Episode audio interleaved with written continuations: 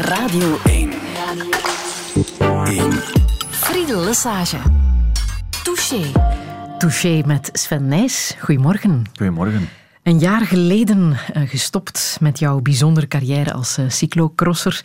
En ondertussen al een jaar lang hard aan het werken aan die nieuwe carrière als uh, ploegmanager. Hoe bevalt het jou? Ah, het is een totaal ander leven. Ehm, plotseling wordt heel uw, leven omgegooid en um, alles stond in het teken van mijzelf. Voor een stukje ben je dan ook wel wat egoïst, want je probeert constant jezelf te verbeteren, um, alle details voor jezelf te regelen en en plotseling ben ik nu alles aan het regelen voor anderen.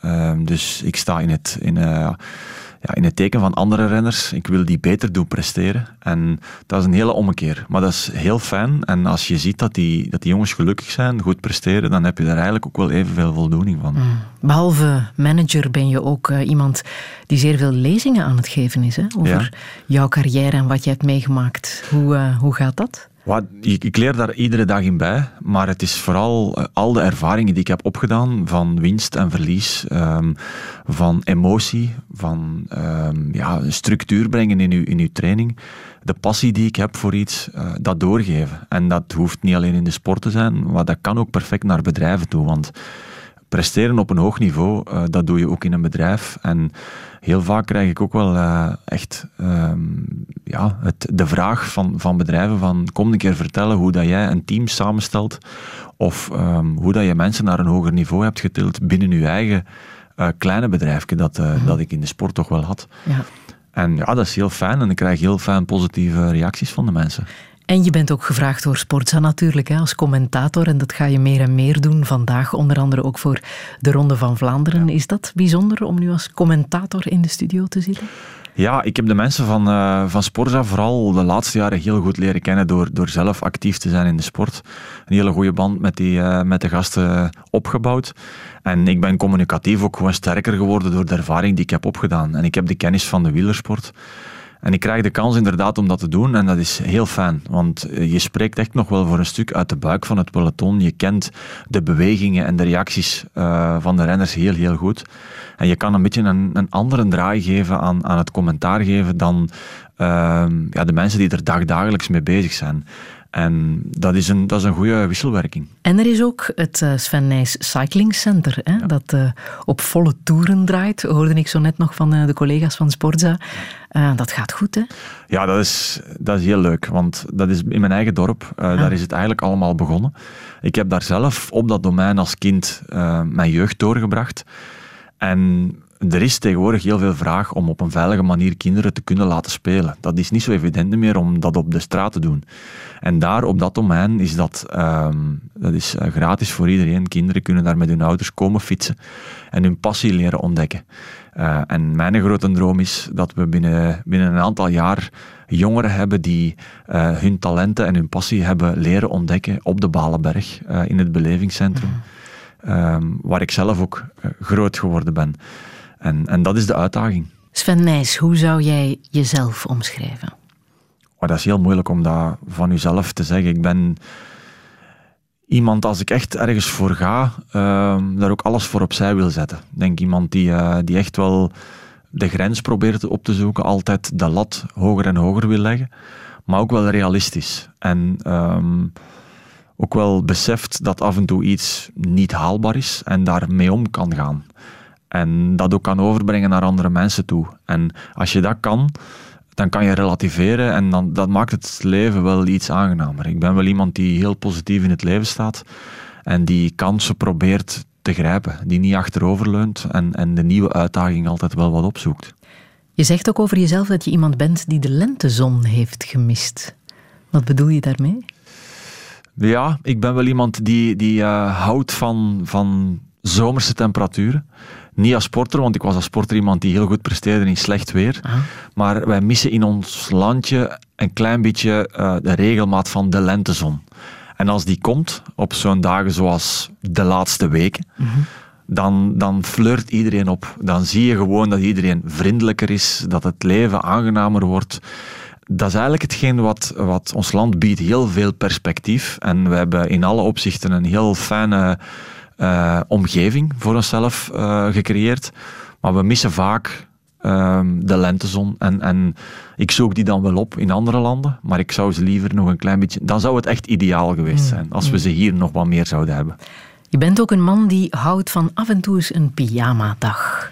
Ja, absoluut. niet vandaag natuurlijk. Het is een hoogdag voor Vlaanderen, dat kan niet. Maar die pyjama-dagen, uh, wanneer is dat dan zo? Um, dat is moeilijk te in te plannen. Ja? Um, mijn agenda staat um, vrij druk voor de komende weken, maanden. Maar af en toe heb ik daar eens nood aan om zo eens s'morgens op te staan en te beseffen van en vandaag doe ik helemaal niks. Uh, en de pyjama aan te houden en, en een beetje rondsloffen in huis. En als ik zin heb, wel eens wat op te ruimen, een koffietje te drinken, uh, lekker ontbijt te nemen. En, en de dag laten te verlopen um, zonder veel planning.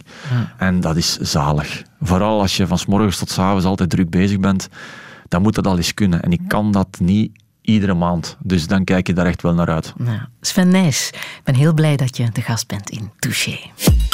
Radio 1. Radio 1. Friedel Lesage. Touché.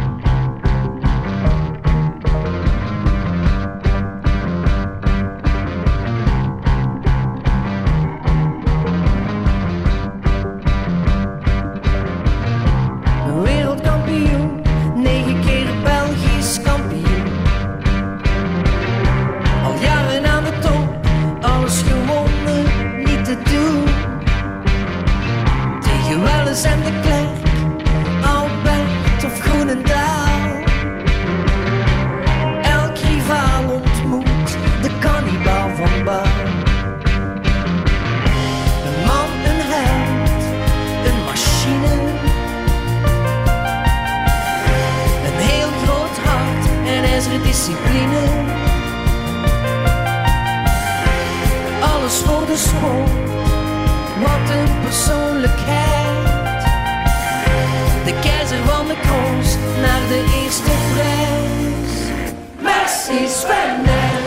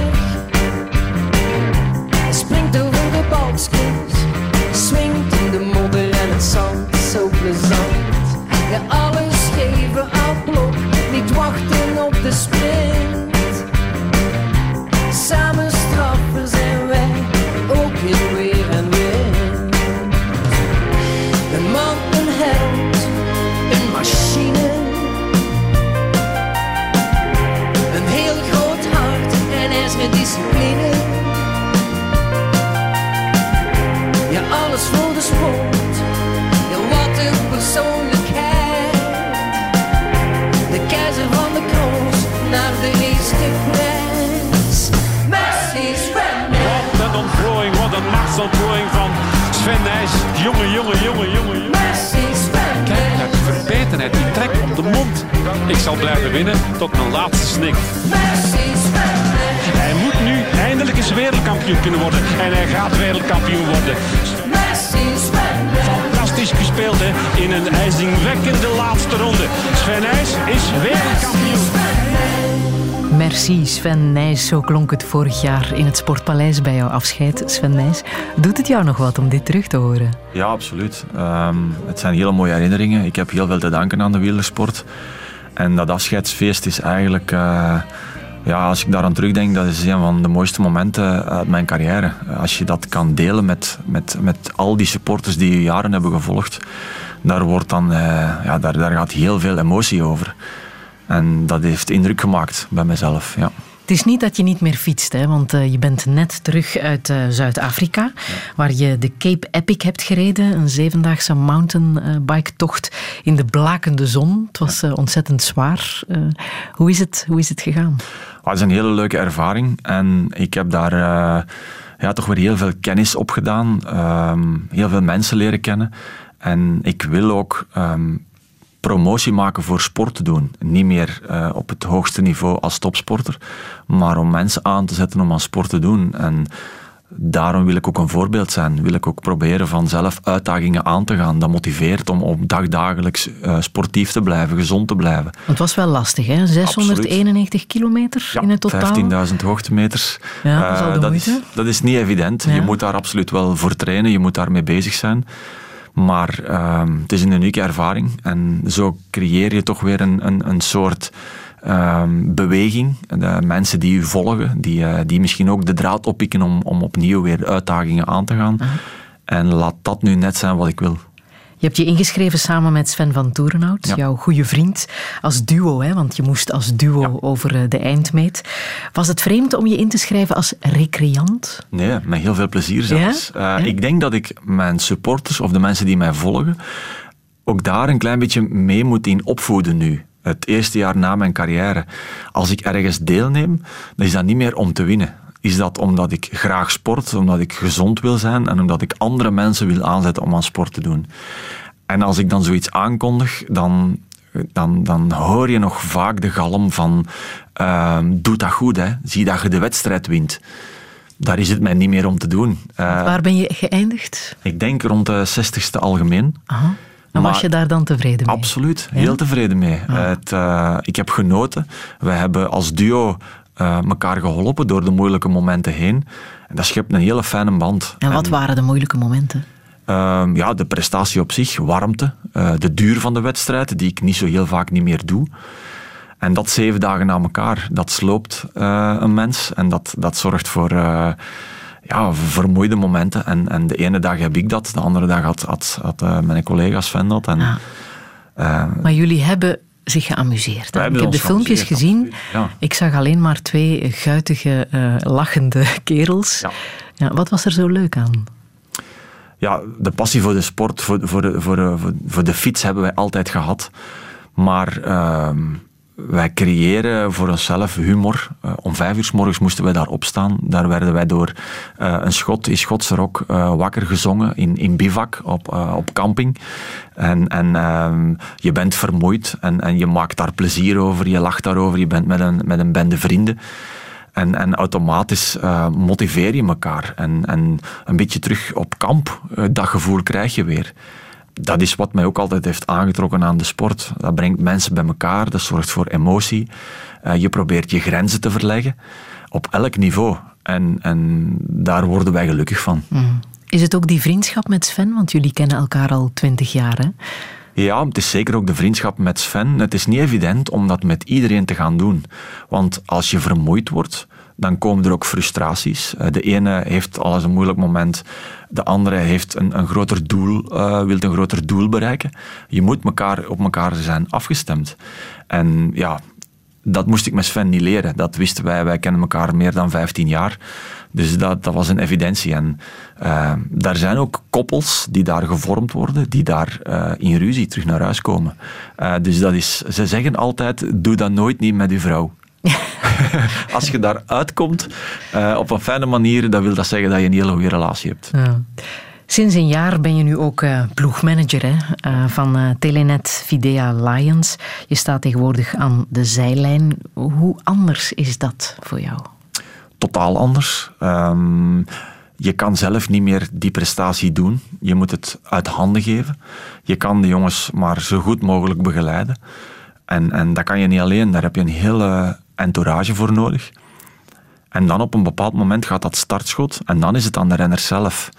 En dan zou je vaak graag zelf nog willen op die fiets zitten om bepaalde scenario's te doen wijzigen. En dat kan niet meer. En daar moet je afstand van nemen. En ik was daar wel heel goed op voorbereid en dat is heel goed gegaan. Ik heb daar eigenlijk heel weinig emotie of heel weinig gevoelens over gehad van verdorie, zat ik er nog maar tussen. En ik vind nu echt ook wel de uitdaging om die jongens beter te laten presteren. Ieder op zijn niveau proberen het maximum uit zijn eigen carrière te halen. Ik, haal, ik haal daar voldoening uit. Wat voor manager ben je, denk je? Ik ben wel iemand uh, die flexibel is, maar die wel probeert van, van, van jongens te stimuleren om, om, om om beter te doen. Ik ben niet iemand die alles zomaar op zijn beloop laat. Ik wil streng zijn, maar ik wil wel meedenkend zijn. Ik ben niet de persoon die uh, het alleen voor het zeggen wil hebben. Ik wil ook luisteren en ik ben er ook om te leren. En als renners uh, ideeën hebben, dan kan ik die ook aanvaarden als die positief zijn. En ik denk dat dat een hele goede wisselwerking is. Als je probeert van er alleen maar boven te staan, met in mijn tijd ging het zo en we gaan dat dus nu ook zo doen, dan denk ik dat het op een bepaald moment fout loopt. De sport verandert constant, uh, ieder karakter is anders en iedere persoon moet je ook anders motiveren. En die personen moet je leren kennen. En dat is geven en nemen. En zo ben ik er ook ingestapt. Een dwingeland las ik ergens. Heb je dat ook gelezen? Nee, heb ik niet gelezen. ben ik een dwingeland? Ja, dat werd ergens gezegd over jou als manager. Herken je je daarin?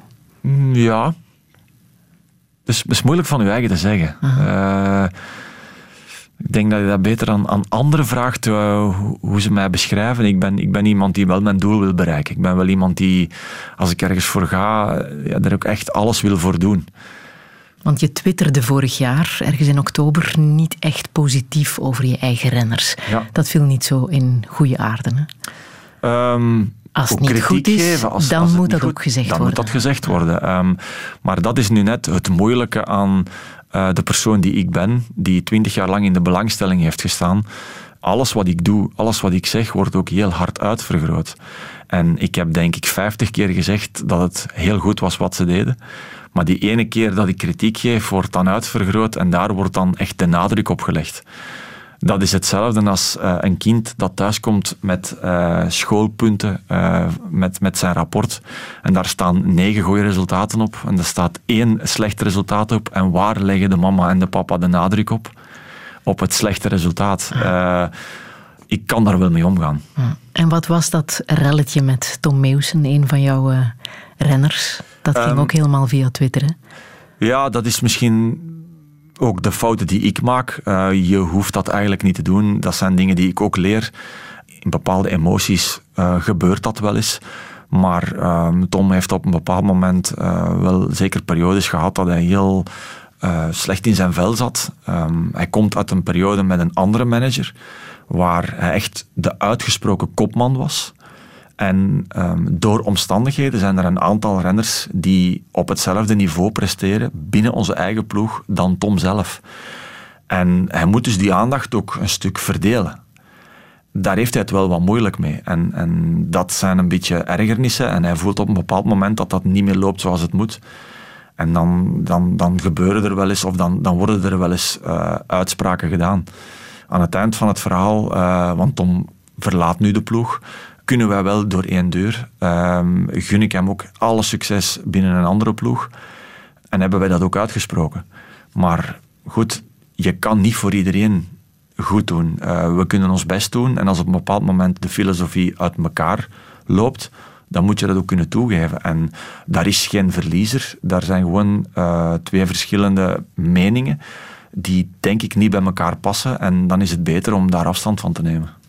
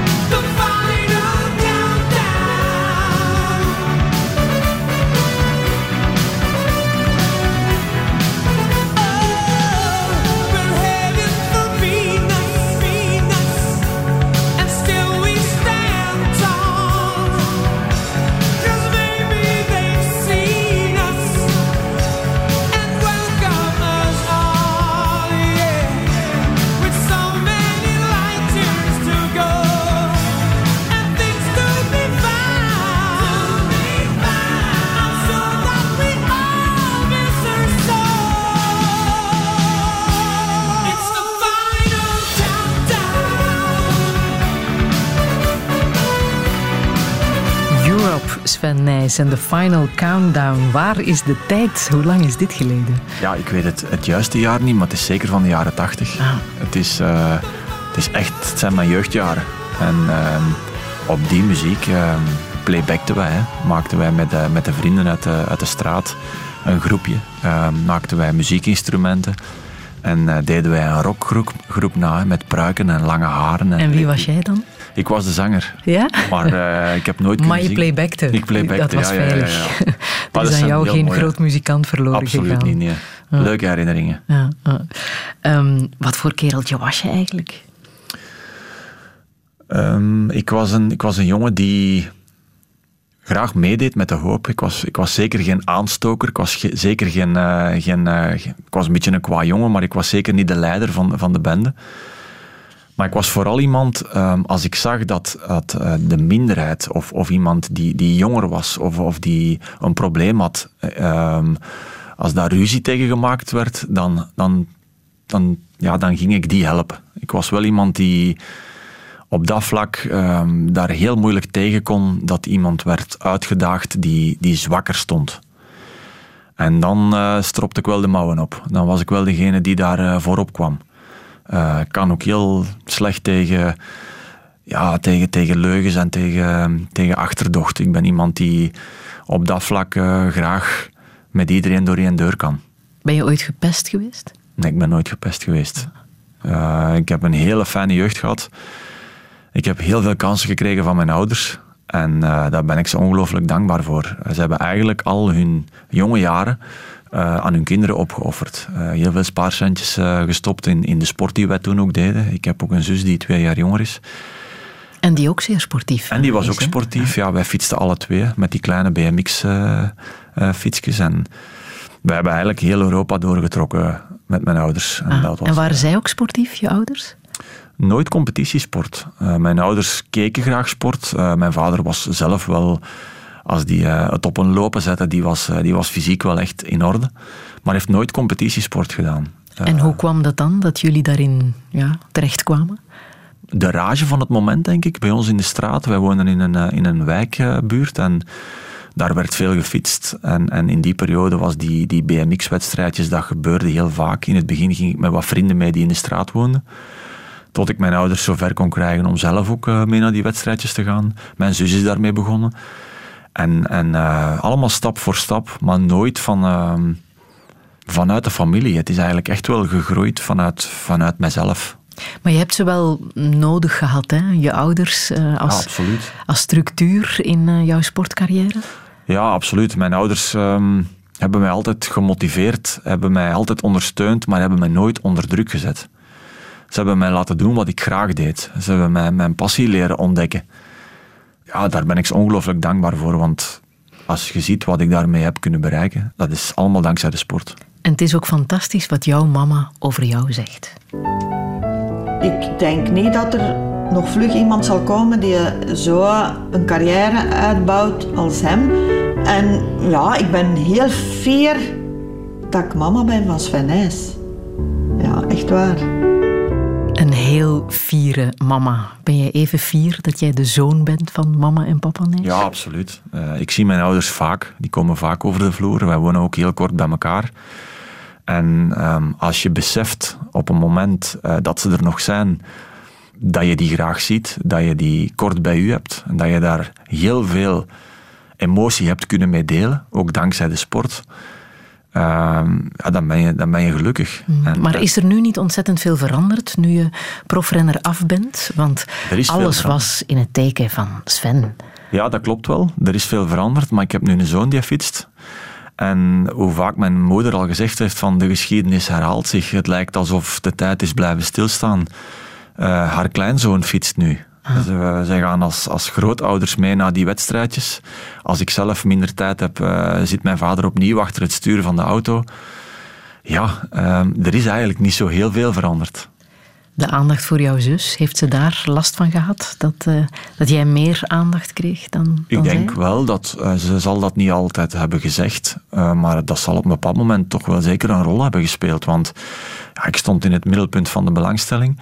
Uh, mijn zus heeft zelf haar weg gezocht. Uh, die heeft een, een heel fijn leven. Ook uh, een paar echt gezonde kinderen. Ehm, maar je staat inderdaad absoluut niet in de schijnwerpers. En, en mijn ouders hebben op een bepaald moment, als ik al wat ouder was, ja, dagdagelijks met, met mij bezig geweest. Gelukkig heeft dat nooit spanning opgeleverd, heeft dat nooit wrijving met zich meegebracht. En gelukkig hebben wij, of ik samen met mijn zus, nog altijd een hele goede band met mijn ouders. Je zegt het, je bent begonnen met dat BMX'en en dat is denk ik ook wel de reden geweest waarom je zo goed bent geworden als, eh, als cyclocrosser. Hè? Dat denk ik wel. Ik heb mijn techniek uiteraard daar geleerd, op de straat. Zoals ook vaak voetballers dat op de straat leren. Uh, met de fiets, uh, met de kinderen uit de buurt. En en, en ja, bergjes maken om over te springen, wedstrijdjes organiseren, dan competitie gaan doen. En ja, dat heeft geduurd tot mijn 15 jaar. Dus een hele lange periode uit mijn jeugd, waar ik eigenlijk ook voor een stuk de moeilijke, tussen haakjes, puberteitjaren heb overwonnen zonder dat ik daar uh, moeilijke jaren heb gehad. Want ik was toen al ambitieus, ik was toen al met sport bezig. Ik denk dat dat voor mijn ouders ook wel fijn was. Maar dus je koos ervoor om uh, bij voorkeur door de modder en door het vel te fietsen, altijd af te zien. Waarom eigenlijk? Dat lag in, in de lijn van, van de verwachting.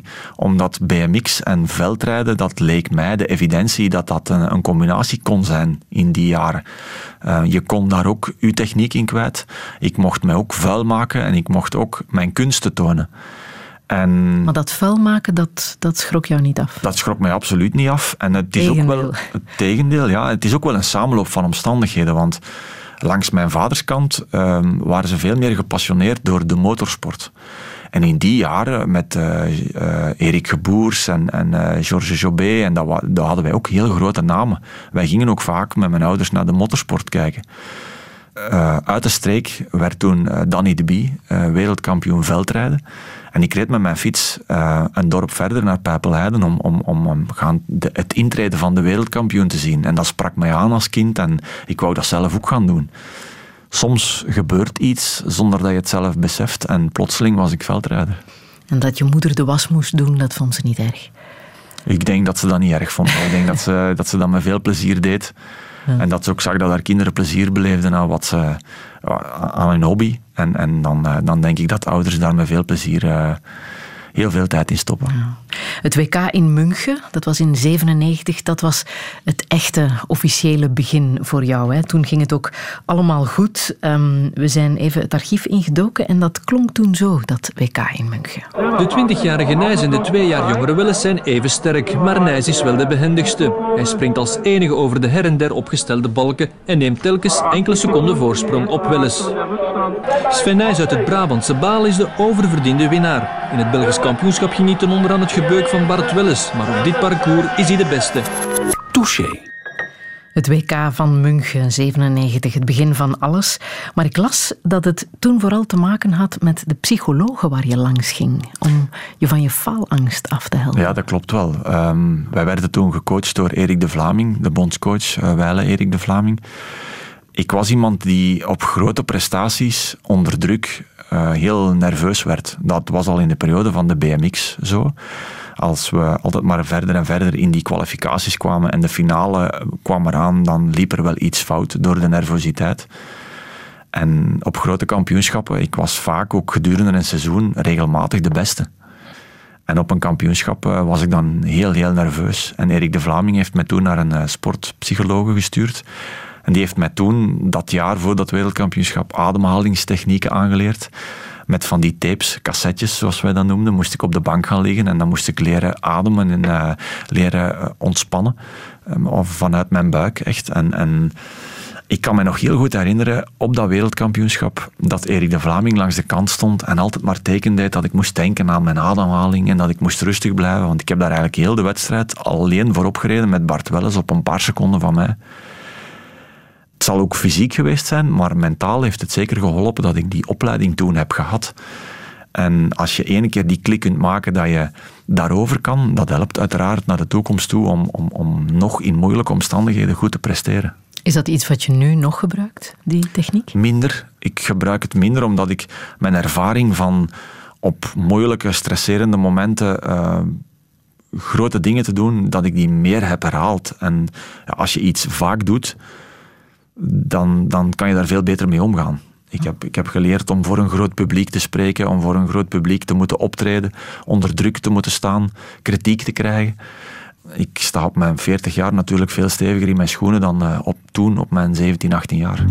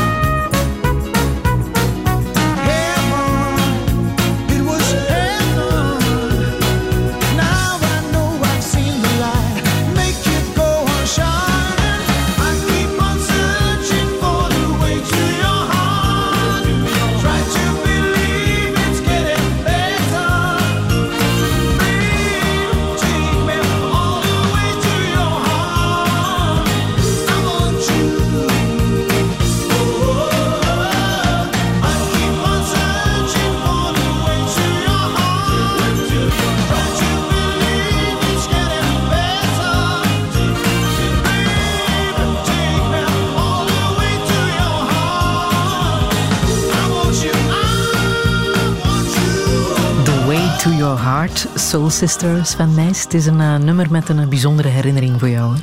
Ja, als ik dat nummer hoor, dan denk ik absoluut direct terug aan mijn jeugd. Het is ook een nummer uit de jaren tachtig. En het was altijd uh, het nummer waar de start van de BMX-dag mee begon.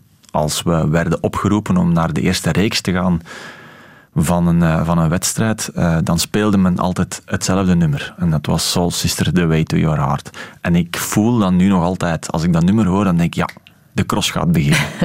Heel leuk. Maar je kent uh, Paul Michiels ook wel een beetje. Ik ken hem niet persoonlijk, maar hij komt bij, bij mij uit de buurt, uit, uh, uit Heist op den Berg. En uh, ja, ik ken, hem, ik ken hem verder niet persoonlijk. Voor mij lijkt Paul Michiels nog altijd net dezelfde als toen uit de jaren tachtig. Ah, en alle mannen die Paul heten, die zijn toch een beetje bijzonder in jouw leven.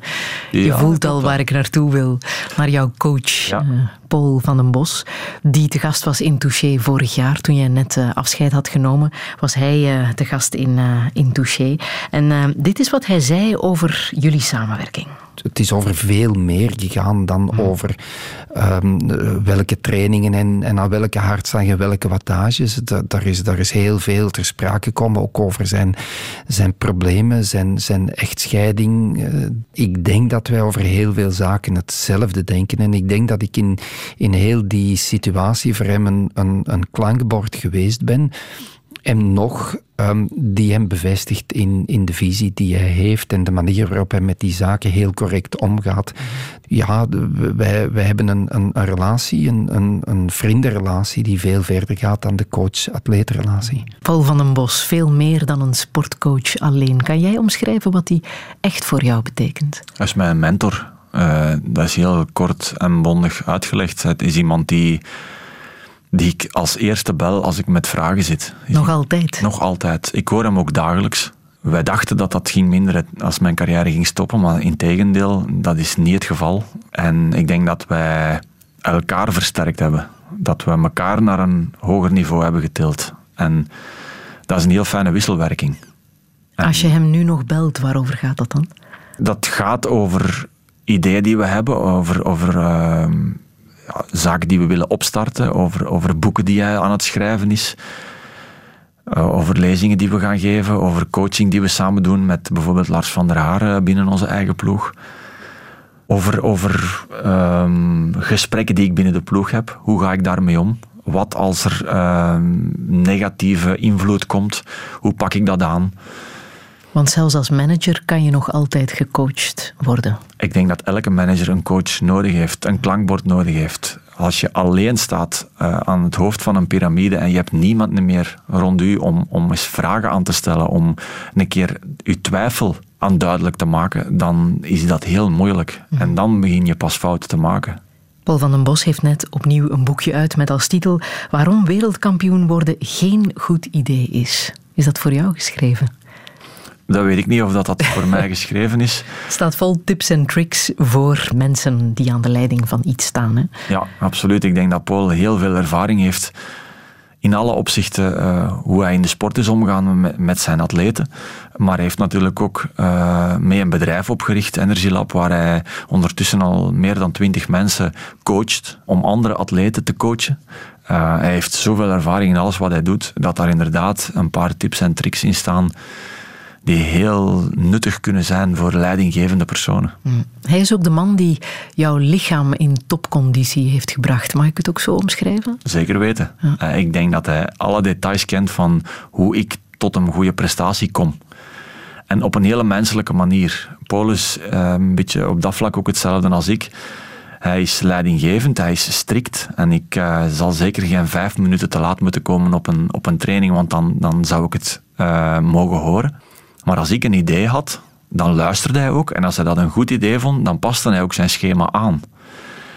Dat maar dat, dat lichaam in topconditie krijgen, hoe, hoe, ver ging dat? Ja, dat ging heel ver. Dat was een, een jaarplanning opmaken, dat was een, een, een, eh, een weekschema schrijven, dat was dagdagelijks contact. Het weer dat veranderde, de voeding dat moest aangepast worden. Wij, wij hebben eh, in, in hoogte tent geslapen, wij hebben, ik heb, ik heb uh, warmte uh, sessies ondergaan in, in, het, eh, in de universiteit in Leuven om, om, om de Olympische Spelen van Peking voor te bereiden. Dat ging soms heel, heel ver. En we hebben soms serieus met ons hoofd tegen de muur gelopen. En een stapje terug moeten doen om er daarna weer twee vooruit te maken. Maar als je uiteindelijk resultaat boekt met, met de fouten die je maakt, want je maakt altijd heel veel fouten, dan geeft dat zoveel voldoening. En wij, zijn, wij hebben altijd opengestaan om fouten te maken, om, om, om de lat proberen hoger te leggen. Ja, en dat is, dat is iets dat ik, uh, dat ik koester tot op de dag van vandaag. Nu, het heeft gerendeerd. Hè? Het heeft meer dan gerendeerd, jullie samenwerking. Uh, voor jou het absolute hoogtepunt was uh, die tweede wereldtitel hè? in Louisville in Amerika. Kleine slipper boven op de laatste helling die hij moet nemen. Dan komen ze naar de grote, wijde bocht. Sven Nijs is alleen als hij die bocht gewoon neemt, zonder dat er iets kan misvallen, zonder nu risico's te nemen, dan wint Sven Nijs. Laatste bocht naar links. Daar komt hij op het asfalt. Sven Nijs gaat wereldkampioen worden. Sven Nijs is los en gaat nu al het publiek groeten. Sven Nijs is wereldkampioen voor de tweede keer in zijn carrière. Wat is hij blij? En hij klopt op zijn stuur. Wat is er mooier dan goud? Wat is er mooier dan een regenboogtrui? En wat zal dit verschrikkelijk veel deugd doen voor Sven Nijs en voor al die supporters die het hem gunnen? Touché. Jouw tweede wereldtitel in 2013 in Louisville in Amerika. Waarom koos je dit als absolute hoogtepunt en niet die eerste wereldtitel? Ik was toen al 6, 37. Um, ik verwachtte het misschien zelf niet meer. Uh, het was de eerste keer dat we met onze sport uh, buiten Europa optreden. En dat heeft voor mij heel veel deuren geopend. Ik heb daar andere mensen leren kennen. Ik heb ondertussen uh, heel veel connecties gelegd, ook via Amerika, om onze sport daar uit te dragen. Uh, ik heb daar sponsors aangetrokken. En um, ik had nooit verwacht dat ik op mijn 37ste in eerste instantie als jeugd dan nog crosser ging zijn. Laat staan dat ik dan de zoveelste generatie nog eens ging verslagen. Dus dat heeft voor mij, um, is voor mij een van de mooiste dingen die ik in mijn carrière heb verwezenlijkt. Ja. Je zei ook dat die titel um, het jou makkelijker heeft gemaakt om terug tot jezelf te komen, om je kwetsbaarder op te stellen. Ja, dat klopt ook wel. Ik denk dat ik op dat moment, uh, mijn carrière was, was sowieso geslaagd. En ik was iemand die op dat moment de keuze heeft gemaakt om er nog twee jaar bij te doen. En stilaan afstand ging nemen van de topsport. Wat ga ik met mijn leven doen na de topsport? Hoe ga ik dat aanpakken? Kan ik in deze kleine veldritsport nog een rol van betekenis gaan spelen? En daar heb ik die knop echt omgedraaid. En heb ik uh, de keuze gemaakt om, om stilaan iets voor te bereiden waar ik uh, voor een stukje toch wel angst van had. Mm -hmm. Heb je daar ook de controlefreak in jou kunnen loslaten? Ik denk dat die nooit echt volledig zal losgelaten kunnen nee. worden. ik denk dat ik op dat vlak structuur nodig heb, discipline nodig heb en heel graag uh, alles goed in schema heb, alles goed plan. Dat zit in mijn karakter. Ik denk dat dat, uh, dat, dat er nooit zal uitgaan. Mm. Deze wereldtitel is de meest belangrijke, maar al die andere trofeeën, waar staan die? Wat doe je daarmee? Ja, ik heb beneden in de kelder en uh, ik heb het een beetje een eigen naam gegeven. Ik heb mijn eigen stoefkamer uh, gebouwd, waar ik de mooiste herinneringen heb verzameld. Van truien tot trofeeën tot, uh, tot souvenirs die ik heb gekregen van supporters. En dat is heel leuk om daar af en toe een keer binnen te stappen en, en al die herinneringen terug boven te halen. Dus dat doe je niet zomaar weg. Dat is eigenlijk een klein museumke dat ik thuis heb opgebouwd. Ja. Behalve hoogtepunten zijn er in elke carrière ook dieptepunten, hè? Wat was jouw ergste dieptepunt? Uh, een van de dieptepunten is misschien uh, ja, het jaar geweest dat ik in 2003, 2004 in Pijnakker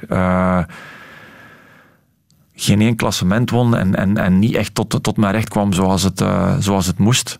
Waardoor ik mezelf helemaal anders ben beginnen profileren en, en een knop heb omgedraaid en daar ook echt de bijnaam heb gekregen een jaar nadien van de kannibaal van Baal, omdat ik toen ook echt fysiek alles er wilde uithalen wat erin zat.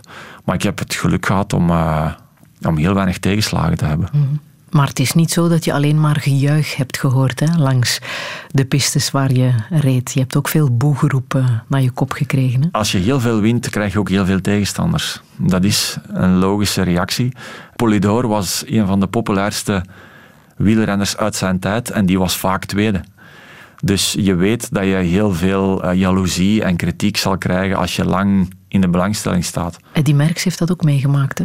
Ja, hoe meer hij won, hoe meer vijanden. Ja, maar dat draait op een bepaald moment. Als je, je toont menselijkheid en je kan ook afstand nemen van het winnen. En je kan ook terug gelukkig zijn met een tweede, derde en een vierde plaats. Ik heb nooit meer supporters gehad als in mijn laatste twee jaar, waar ik bijna niet meer won. Dus dat is wel heel speciaal. Je hebt ook um, supporters terecht gewezen. Hè? Die ene keer, die biergooier, die ronde na ronde jou uh, trakteerde op, uh, op bier. Dat ja. was niet zo prettig. En daar ben je ook echt op afgestapt om, om dat te zeggen aan die supporter. Ik ben erop afgestapt en ik heb toen uh, gewoon heel rustig gevraagd: waarom doe je dat eigenlijk met bier gooien naar mij? Terwijl hij waarschijnlijk een heel agressieve reactie van mij had verwacht. En daar is heel veel aandacht naartoe gegaan. En dat heeft ervoor gezorgd dat de persoon die de situatie uitlokte, dat hij eigenlijk als verliezer naar huis ging. En niet geslaagd was in het opzet van mij uit mijn lood te doen slaan. daar heb ik proberen van ambassadeur te zijn, een voorbeeldfunctie. Mijn zoon zit op dat moment ook naar de wedstrijd te kijken en die ziet ook dat zijn vader dat op een positieve manier oplost. Als ik nu als ouder thuis zit en ik hoor dat mijn, mijn zoon uh, hommeles heeft gehad met zijn vrienden en hij heeft dat met een gesprek kunnen oplossen in plaats van met een gevecht, dan heb ik misschien daar als, als jonge papa een goed voorbeeld gesteld. En zo zijn er vaak dingen die je, negatieve dingen die je, die je kan omdraaien naar iets positiefs. Ben je de biergooier nadien nog tegengekomen? Zijn vader wel. Ja? En zijn vader is mij een aantal jaar nadien komen zeggen dat dat de grootste levensles is eh, geweest die zijn zoon ooit heeft gehad.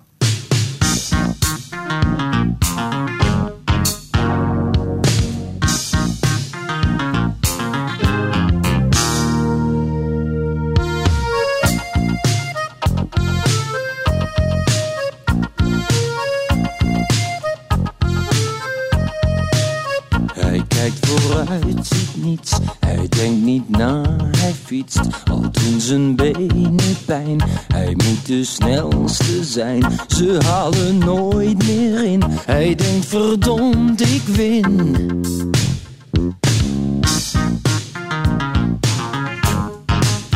Nooit meer alleen, nooit half naakt voorbij, de jury op een rij. Ze lacht haar tanden bloot, wat zijn haar borsten groot. Haar tranen stromen, want ze is Miss Nederland.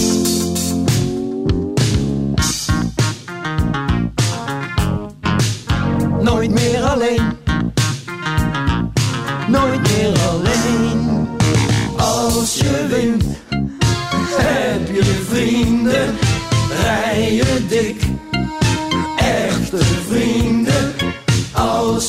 je wint. Nooit meer eenzaam, zolang je wint.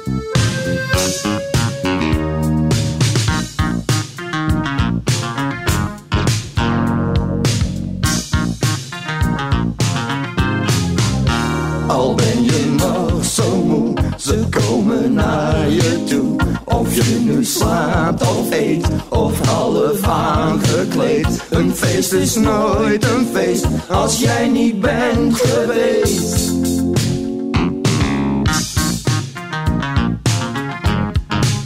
Nooit meer alleen, nooit meer alleen. Als je wint,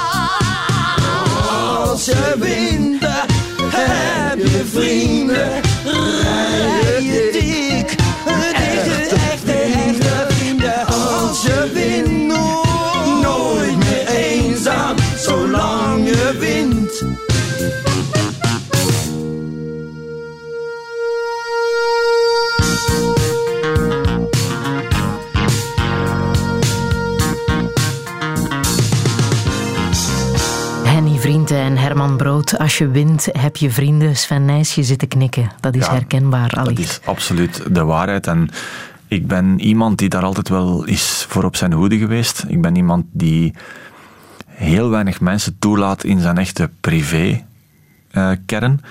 en de mensen die aan het begin van mijn carrière met mij samenwerkten, zijn nog altijd dezelfde als aan het einde. En er zijn natuurlijk heel veel mensen bijgekomen, maar die blijven wel altijd op een afstand. En dat zorgt ervoor dat die echte vriendenkring er gebleven is. En ik doe eigenlijk nog altijd net dezelfde dingen. Tussen het publiek staan, naar de bakker gaan, uh, de gewone dagdagelijkse dingen bij ons, naar de kermis, noem het allemaal maar op. Zoals ik die vroeger ook deed. En, en als je dat kan, nadat je toch heel lang in de belangstelling hebt gestaan en heel veel succes hebt gehad, um, dan maakt het leven veel gemakkelijker. Ik, maar uh, ooit schrik gehad dat als het slechter zou gaan met je carrière, dat je mensen zou verliezen, dat je de aandacht zou verliezen? Niet echt. Ik denk dat je daar zelf als sporter uh, verantwoordelijk voor bent. Ik heb nooit dingen gedaan die, die anders waren dan, dan voor ik succes had. Ik ben iemand die daar heel nuchter in is. En misschien is de controlefreak in mij uh, wel zo erg dat ik altijd de dag na succes direct terug wilde werken omdat ik dat niet wilde vieren. Want vieren is eigenlijk de eerste dag dat het, terug, dat het slecht gaat. Want daar moet je van herstellen. Dan, dan, uh, dan doe je eigenlijk een stap terug. En ik heb dat altijd in mijn achterhoofd mijn hele carrière lang volgehouden. Van laat het niet los, uh, heb geen decompressie, je carrière duurt kort en vul iedere dag zo optimaal mogelijk in. Dat heeft ervoor gezorgd dat je altijd probeert van een stap voor te zijn op de concurrentie. Uh, meer weerbaar bent, um, uh, grotere weerstand hebt, uh, minder ziek wordt, minder kwetsures en dat je geluk voor een stuk misschien ook wel wat afdwingt. Is er een leven buiten de fiets?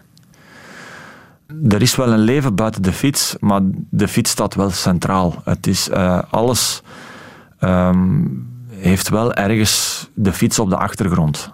Van het moment dat ik op mijn twee beentjes kon staan, is de fiets een hoofdrol gaan spelen.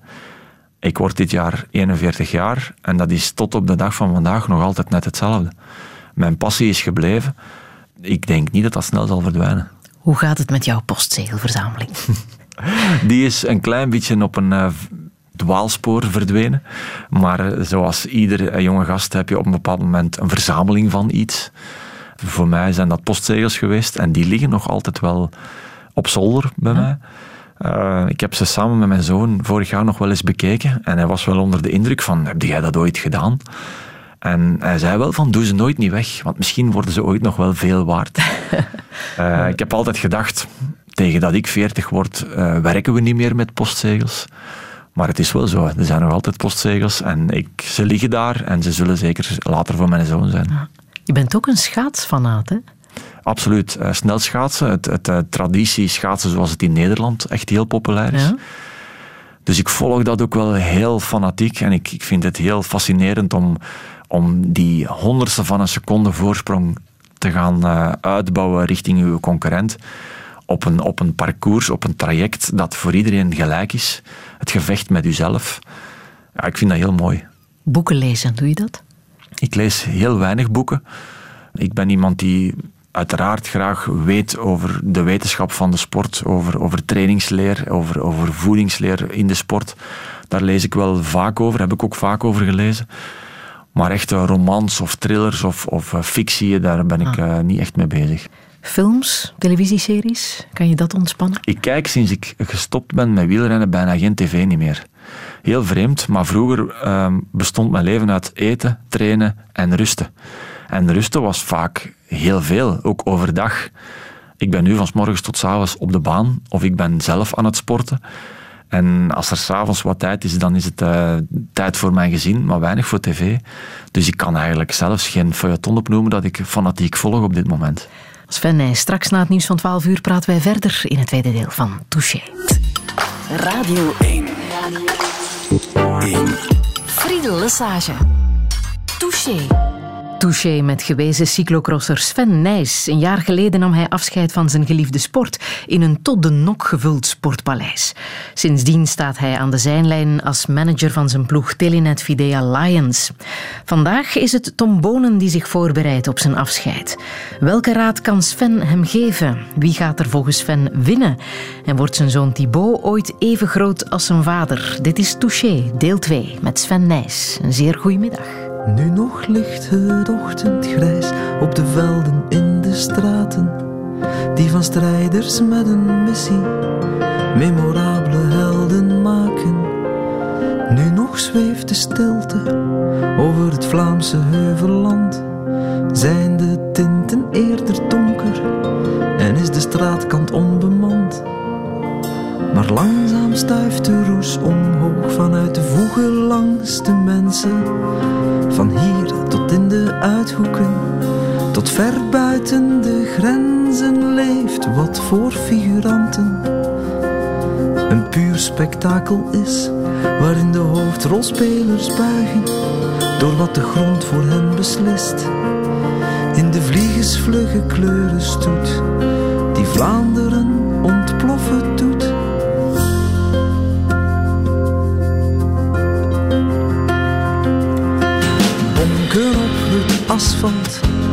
vrijen met kasseien. Het gaat niet over hartelijkheid, het gaat over hard rijden. Ze krijgen mooie woorden, wilskracht, durf en moed. Maar niemand ziet het zweet en niemand proeft het bloed dat de achterhoede tekent. De straatkant wijst naar voor. Waarom hier toch aan beginnen? Waarom ga ik hiermee door? Hier staat nu een decor dat er gisteren nog niet stond. Zo wordt een rustig landschap de linie van het front. Totdat er een naar voren schiet en Vlaanderen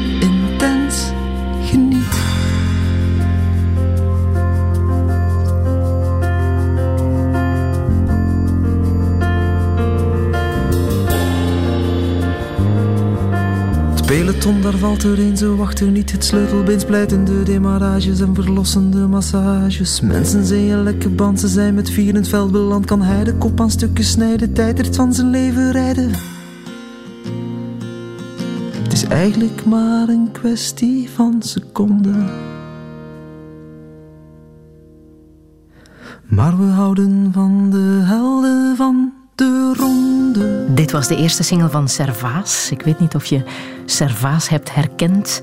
Dat is uh, het muzikale project van de ploegdokter van Lotto Belisol, Servaas Benger, en zijn uh, compaan uh, pianist Jan Boré. Ze hebben een prachtig nummer over de ronde gemaakt. Hè? Ja, mooi. Ik, wist, ik, ik ken Servaas als ploegdokter van, van Lotto, maar ik kende hem niet als zanger. Dat klinkt niet slecht, hè? Ja, dat is mooi gedaan. Vandaag de Ronde van Vlaanderen en jij mag commentaar geven. Ja. Wat verwacht je? Ik verwacht een hele mooie uh, Ronde van Vlaanderen. Het is de eerste keer dat we ja, via Antwerpen vertrekken. Dat is, dat is sowieso al heel speciaal. Uh, er is ook al heel veel over te doen geweest. Maar we hebben een aantal Belgen die het fantastisch doen. Want Philippe Gilbert uh, is mijn uitgesproken favoriet. Ja? Ja, ik heb de afgelopen weken een hele sterke Philippe Gilbert gezien. En ik ben echt onder de indruk van uh, de motivatie die hij vindt om ook in deze wedstrijden proberen die, die naar zich toe te trekken. Uh, Greg van Avermaat is uiteraard samen met uh, Peter Sagan krijgen heel veel sterren in alle kranten. Maar ik heb, ik heb op deze moment een klein beetje een boontje voor Philippe Gilbert. En de muur van Gerardsbergen, krijgt hij ook heel veel sterren van jou dat hij terug is? Ja, ik, de traditie van, van de Ronde van Vlaanderen vroeger sprak mij heel hard aan. Ik hou echt van de rit in lijn. Uh, van Brugge naar Meerbeke, dat was voor mij uh, was dat echt fantastisch. En wachten op de renners die voor, die voor de eerste en, en al de enige keer daar passeren, elke bult. Dat was fantastisch. Dat was ook als, als wielertoerist, als je, daar, als je daar de dag voordien mocht opfietsen en je reed naar Meerbeke uh, via de muur en de Bosberg. En, en die, laatste, die laatste tien kilometer in dalende Rijnlijn, dat was, dat, was, dat was uniek. Ik mis dat een klein beetje, maar we moeten mee met onze tijd. En, en ook Oudenaarde is een fantastische stad om, uh, om te finishen. Het Wielermuseum ligt daar ook van de Ronde van Vlaanderen. De muur is terug in de Ronde van Vlaanderen en dat is wel goed. Ah, heb jij zelf ooit de ronde gereden? Dat is de enige klassieker die ik niet heb gereden in Vlaanderen. Uh, ik, heb ze, uh, ik heb de rest allemaal wel gedaan. E3-prijs uh, Gent-Wevelgem. Ik heb drie keer Parijs-Roubaix gedaan. Ja, ja. Maar Ronde van Vlaanderen heb ik niet gedaan. Nee. En waarom niet? Dat was heel moeilijk om in die ploeg te geraken. Er waren heel veel renners die ja, die bij ons in de ploeg toen bij Rabobank uh, geselecteerd wouden worden. En Parijs-Roubaix was dat anders. Parijs-Roubaix was een wedstrijd voor echte specialisten en als crosser kwam ik daar heel goed tot zijn recht. Maar in Vlaanderen waren ook een aantal renners die de Waalse klassiekers deden. Zoals Michael Bogert, zoals Erik Dekker. En, en die kregen de voorkeur. En vandaar dat ik nooit eigenlijk echt de selectie heb gehaald van de Ronde van Vlaanderen. Heb je trouwens ooit getwijfeld tussen baanwielrennen en, en veldrijden? Ik heb daar nooit over getwijfeld. Men heeft men ooit mij de vraag gesteld. Er is ook ooit, ik heb ook ooit de kans gekregen om, om dat te doen. Maar ik kon het veldrijden niet loslaten. En ik vond dat ik mij als sporter veel meer kon profileren in het veldrijden dan stel je voor dat ik ooit mag dromen van één keer ergens een semi-klassieker te kunnen winnen. Dat staat uh, absoluut niet in, in vergelijking met 15 jaar lang de beste zijn, in, of 10 jaar lang de beste zijn in, in, uh, in de veldritsport. Soms is het veel beter van de beste te zijn in iets klein dan de middelmaat in iets heel groot. En dat ik op heel jonge leeftijd wel heel goed begrepen. Vandaag kijkt iedereen natuurlijk in het bijzonder naar Tom Bonen, die zijn laatste ronde van Vlaanderen rijdt. Hoe goed ken jij Tom Bonen? Ik, ik heb zelf uiteraard met hem wel gekoerst. En Tom is, ik ken hem niet persoonlijk, maar Tom is een heel sympathiek. Is, is, iemand die heel goed ligt binnen het peloton. Iemand die altijd aanspreekbaar is, die heel sociaal overkomt. En ik gun hem ook een, eh, een ongelooflijk afscheid. Ik denk dat de Ronde van Vlaanderen misschien net niet uh, binnen zijn mogelijkheden past in zijn laatste jaar. Maar ik denk wel dat Parijs-Roubaix dat, dat, dat wel kan. En dat is een wedstrijd die echt op zijn lijf geschreven is en die ook echt net iets beter uh, past bij een renner uh, van 5, 36 jaar. Ja, dat is voor volgende week. Hè? Ja. Maar wat hij vorig jaar over jou zei, dat wil ik graag laten horen. Hij heeft een afscheid genomen, of hoe zit dat nu? Dat blijft maar duren. Maar ja, wel, eigenlijk ben ik ook zo bezig. Hè. Bij mij duurt het ook al heel lang. Hè. In de ploeg hadden ze bij mij ook graag gehad dat ik gestopt had naar de klassiekers. Um, ik vond dat zelf nog een beetje vroeg. Dat was voor de valpartij. Nu na die valpartij moest ik me eigenlijk ook zelf een beetje herpakken van misschien was het wel beter geweest. Maar ja, dat zijn momentopnames. Dus, uh, de ene dag is een ander niet. Soms kijkt het er zo tegenaan en soms kijkt het er anders tegenaan. Maar als ik zie hoeveel goesting dat ik nog aan het rijden was op het laatste van het jaar, dan, dan kan ik alleen maar oordelen dat ik nog heel graag doe en dat ik er nog niet klaar mee was. Tom Bonen, hij is ook bezig met zijn afscheid, dat ondertussen ook al een jaar uh, duurt. Waarin lijken jullie op elkaar? Of wij echt op elkaar lijken, dat durf ik niet te zeggen. Maar het is een puur talent die, ja, die, die fantastische dingen uh, voor de sport heeft, heeft gedaan. En, en ik, ik, hoop er stilletjes op dat hij, dat hij volgende week in Parijs-Roubaix met zijn armen in de lucht over de finish kan komen. Heeft hij ook een smet op zijn blazoen? Hij heeft natuurlijk wel een periode gehad dat, uh, dat hij het wat moeilijker had, dat hij vaak uh, wat negatief benaderd werd. Uh, meer buiten de sport, dat hij, dat hij alles graag uh, ja, wat langer ergens bleef hangen of al eens op stap ging. En, en, en daar zijn wel eens wat verhalen over geweest. Over maar, het cocaïnegebruik ja, bijvoorbeeld. Maar in grote lijnen vind ik toch dat, dat eigenlijk de, de carrière van Tom Bonen alleen maar positief is uh, is geweest en alleen maar uh, successen heeft, heeft gekend. Alleen heeft hij de laatste jaren zoveel valpartijen gehad en zoveel uit een diep dal moeten terugkomen qua kwetsures, dat dat nooit echt niet meer tot zijn recht is gekomen in, uh, in overwinningen. En eigenlijk uh, had het er vorig jaar moeten inzitten. Ik vond uh, de manier hoe hij vorig jaar zich herpakte in Parijs-Roubaix, dat was fenomenaal en dat was denk ik zijn kans om, om nogmaals te winnen. Dat is inderdaad wel onwaarschijnlijk. Hè? Hoe vaak hij heeft moeten annuleren wegens ziekte of kwetsuren. Jouw lijf daarentegen is zo goed als ongeschonden gebleven. Hè? Heb jij ergens een litteken? Ja, ik heb wel wat littekens en wat, wat, hechtingen aan te pas gekomen, maar ik heb gedurende heel mijn carrière geen, geen enkele breuk gehad. En hoe komt dat dan? Omdat je in de modder valt en iets zachter dan een baan. Ik denk sowieso dat veldrijden een, een minder gevaarlijke sport is, uh, waar wij veel meer afhankelijk zijn van onze eigen techniek, van onze eigen risico's. En een, een wegpeloton, waar je met 180 renners uh, over het asfalt raast tegen 60, 70 per uur. Er is iemand die een fout maakt en er liggen 20, 30 renners tegen de grond. Dat risico is in het veld veel minder groot. En er is ook een stuk geluk mee gemoeid. En, en uh, dat heb ik aan mijn zijde gehad gedurende mijn carrière. Jouw anatomisch lijf heeft uh, dat geluk gehad. Mijn moeder zei altijd, uh, onze Sven heeft heel veel melk gedronken, dus hij heeft sterke botten. maar dat je ook veel vocht verloor tijdens wedstrijden, dat is ook altijd gezegd geweest. Ja, ik kon helemaal niet tegen de warmte. Hè. Dat, als er één ding was wat ik echt in de sport problemen mee had, dan was het met temperaturen boven de 30 graden dan functioneerde mijn lichaam helemaal niet goed niet meer. Dan was ik direct 20, 25 procent van mijn capaciteiten kwijt. En in het veld was die grens, zeker aan het eind van mijn carrière, uh, soms al 25 graden. Daar heb ik het soms heel, heel moeilijk mee gehad. En daar heb ik een paar keer echt heel, heel uh, zwaar van afgezien. Nog maar eens een reden, denk ik, om te zeggen dat ik de juiste keuze heb gemaakt en, en veldrijder ben geworden. Want temperaturen boven 25 graden kom je daar heel weinig tegen. Wat adviseer je Tom Bonen als hij volgende week stopt met fietsen? Ik denk dat ik hem heel weinig dingen moet meegeven. Ik denk dat hij ook heel goed voorbereid is. Het ook heel goed wist wanneer hij ging stoppen. En ook al heeft aangegeven dat er een aantal dingen zijn waar hij, projecten waar hij mee bezig is. En dat is heel belangrijk. Ik denk dat als je als sporter tot de laatste dag sporter bent en niet bezig bent met je toekomst, dat het heel gevaarlijk is om in het zwarte gat terecht te komen je moet daarop voorbereid zijn. En dat kan natuurlijk niet altijd, maar in, in de situatie van Tom denk ik dat hij dat ja, heel goed gaat doen. En uiteraard... Zou ambassadeur worden van dure Nederlandse sportauto's hè, bij Donkervoort. Ja, maar Tom heeft de passie voor, voor, uh, voor auto's, heeft de passie voor, uh, voor snelheid en kan, is, is communicatief heel, heel sterk. Dus ik kan mij niet van de indruk ontdoen dat hij een heel goede ambassadeur is voor eender welk product. Moet hij ook vooral blijven fietsen? Ik denk dat hij dat vooral moet blijven doen, ja. Ah. Ik vind het altijd heel vreemd dat sporters die als hobby begonnen zijn met iets en dat zoveel jaar hebben gedaan en dan eh, daarna dat niet kunnen terug omkeren naar een hobby. Dat vind ik heel vreemd. Ehm, die passie is bij mij nooit weg geweest.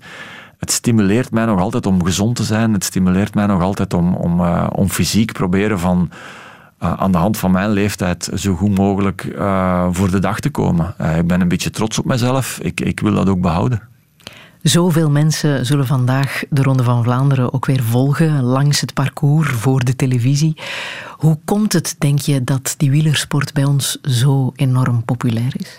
Omdat dat een sport is die heel kort bij het publiek staat. een sport van de straat, de heroïek het afzien, uh, vallen en terug opstaan met schaafwondes en, en, en, en de grimassen op het gezicht van een, van een atleet die uh, het maximum uit zijn prestatie probeert te halen.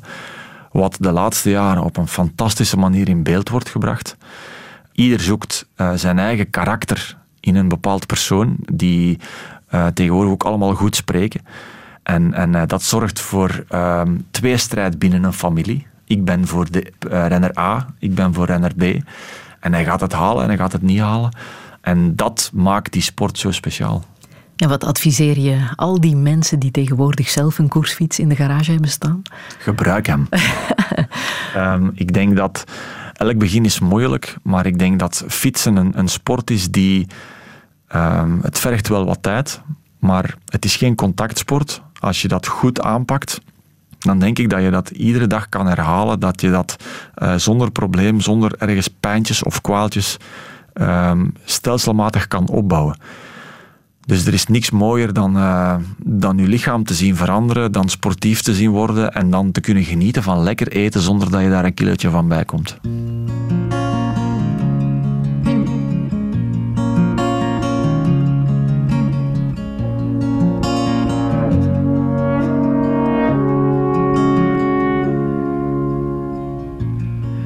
Kiss your mouth and swallow you whole.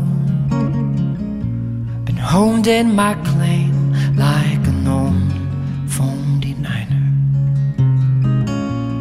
Wayward and skinny for dust in the moon from that honing water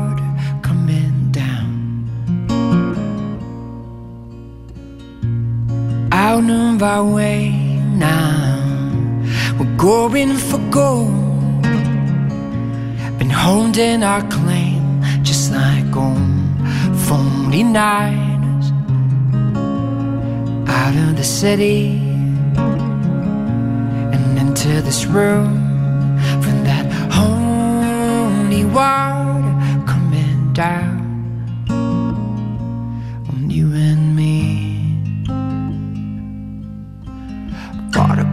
I.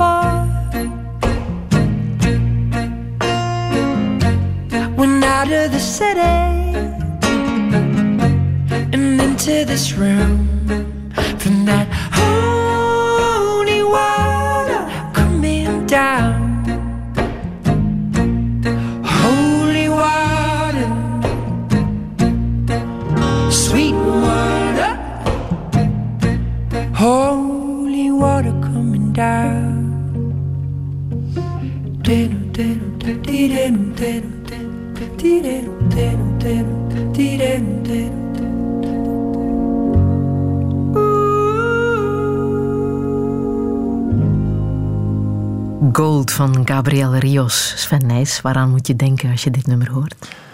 Ik zat in het midden van het sportpaleis eh, met allemaal lichtjes van, eh, van telefoons rondom mij. En eh, Gabriel Rios zong dit liedje eh, met 15.000 eh, mensen rondom mij. Dat was een kippenvel moment.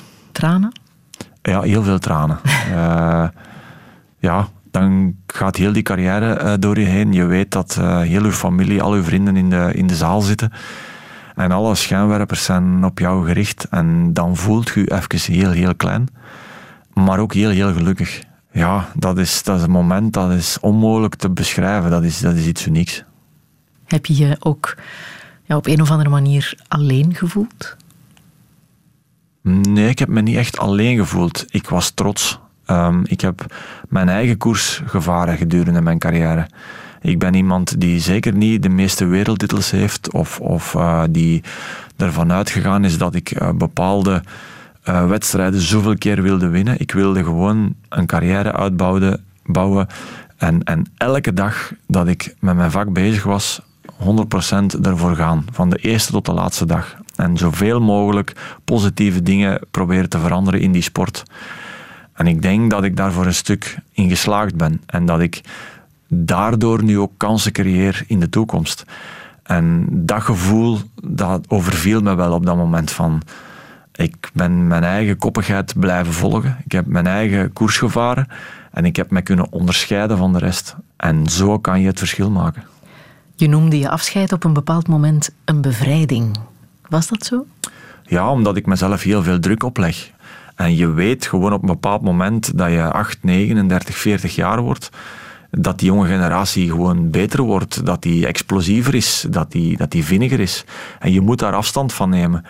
En je moet ook de pers en je moet ook je publiek daarmee in opvoeden. En dat is, dat is niet altijd evident. Ik denk dat ik daar wel heel voor een stuk in geslaagd ben. Er is alleen maar positief uh, gesproken over mijn laatste jaren. En iedereen spreekt over een fantastisch laatste jaar, terwijl ik maar twee wedstrijden win. Er zijn jaren geweest waar ik er dertig won, of tien na elkaar. En dat men bij de elfde keer, toen ik, toen ik niet won, zei van het is precies aan de achteruit gaan, mes van IJs. Je afscheid was begin maart vorig jaar. Een paar dagen later waren de aanslagen in uh, Zaventem en Maalbeek, 22 maart. Hoe heb jij dat beleefd? Ja, plots staat, staat het leven even stil. En dat is van, van heel grote euforie naar, naar heel diepe dalen. Want dan besef je dat dat geluk en mensen rondom u, dat dat veel belangrijker is dan, dan succesboeken, dan, dan, dan in de belangstelling staan. Ieder van ons, ikzelf, mijn vrienden, mijn familie, iedereen in mijn dorp had daar op dat moment aanwezig kunnen zijn. Dat is iets dat je nooit meer vergeet. Uh, dat is net hetzelfde als uh, de aanslagen in New York, waar ik ook het puntje van mijn stoel heb gezeten met opengesperde mond van hoe is dit in godsnaam mogelijk? Hoeveel haat uh, is er in de wereld? Waarom moet het zo? het leven is al zo kort. waarom al die ellende? En, en ik sta daar wel bij stil, ja. Waarin geloof jij? Ik geloof niet in het leven na de dood. Ik geloof niet in, uh, in een situatie dat mensen u uh, altijd maar kansen gaan geven. Ik geloof in, in, uh, in hard werken. Ik geloof in, in, in motiveren, in, in, in mensen, in samenwerken met mensen. En ik geloof vooral in, in, in, in, in een leven dat. dat dat mij geluk brengt. Ik, ik, heb, ik, heb, ik heb het soms wel, wel moeilijk met ouder worden ook. Als je altijd met sport bezig bent en, en, en voelt dat het af en toe niet meer gaat zoals het moet, dat dat eindig is, dat dat ooit stopt, daar denk ik liever niet aan. Dat geeft me soms wel eens koude rillingen. Die momenten probeer ik zo snel mogelijk van mij af te zetten. Wat doe je om de aftakeling tegen te gaan? Ja, veel aan sport doen, veel activiteiten, veel onder de mensen komen veel nieuwe projecten opstarten. Altijd willen bijleren, um, niet achteroverleunen. Dat zorgt wel dat het leven heel, heel snel gaat. Dat je weinig tijd hebt om, om, om, uh, ja, om stil te staan bij dingen. Maar ik denk als je dat hebt, dan ben je wel met fijne dingen bezig. Ik zou dat het liefst van al nog een tijdje zo willen blijven volhouden. Wat maakt jou gelukkig? Dingen doen die ik graag doe uh, mijn zoon gelukkig zien, de mensen rondom mij gezond zien. Ik, ik hecht heel veel belang aan, aan de relatie met mijn zoon. En uh, wij, wij delen dezelfde passie. En als ik samen met hem kan gaan fietsen en, en we kunnen praten als, als kameraden, daar is, daar is niks tegen opgewassen. Dan voelde u heel sterk, dan voelde u heel gelukkig. En, en, en er is niks mooier dan dat, dan dat uw, uw zoon tegen u zegt: Ik ben fier op u. Ja, als, dat kan ik iedere dag zeggen en daar kan ik iedere dag emotioneel van worden. Wat betekent geld voor jou? Dat betekent wel iets, want dat zorgt wel voor, voor een gemakkelijk leven. Het is niet alles. Gezondheid is uiteraard de basis van alles.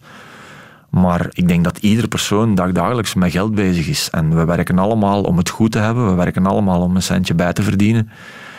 Ik denk dat geld en, en meer geld en meer geld niet gelukkiger maakt. Ik denk dat iedereen zou de behoefte moeten hebben om, om, uh, uh, om het goed te hebben. En dat is helaas niet zo. En ik denk dat, dat, dat we daar toch altijd in de maatschappij moeten proberen naar te streven van dat zo goed mogelijk te proberen invullen. Maar meer en beter Maakt dat gelukkiger? Ik ben ervan overtuigd dat dat niet zo is. Maar geld maakt wel het leven gemakkelijker. Ben jij zuinig of genereus? Ik denk een beetje beide. Ik ben vooral zuinig geweest met het spenderen van centjes gedurende mijn carrière, omdat ik bang had dat mijn carrière op een of andere manier uh, zou stoppen door kwetsures, door, door, door, ja, door, omstandigheden.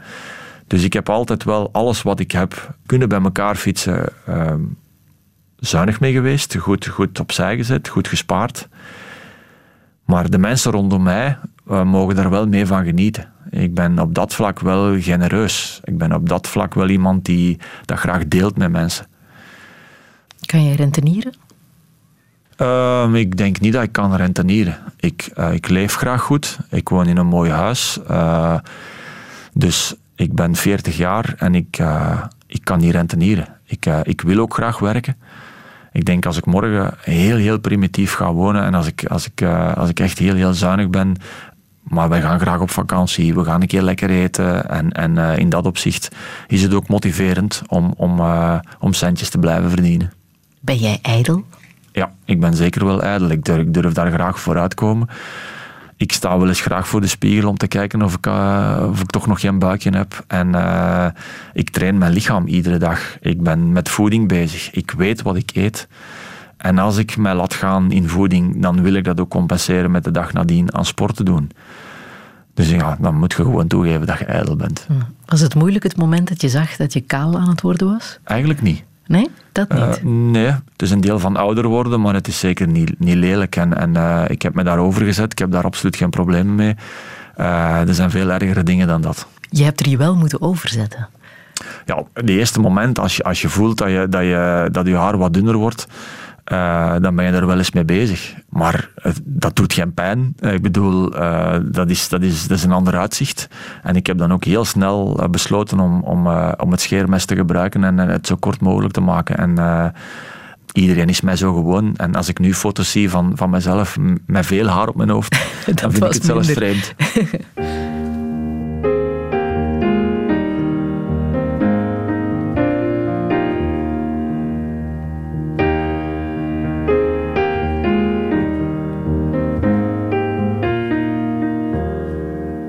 Ik heb al meermaals overwogen. Het gaat er niet om hoe snel ik reed. En evenmin hoe ik zal rijden. Maar ik zal mezelf zijn aan de meet. En waar meet is, hier of ginder. Het maakt niet uit, het maakt geen verschil. Het gaat om bewaken en bewaren. Dat is alles wat ik wil. Soms lijkt de rit niet meer te dragen. Het is de tijd die aan me vreet. Maar ik heb geen zin in bezemwagen. Op eigen kracht tot aan de meet.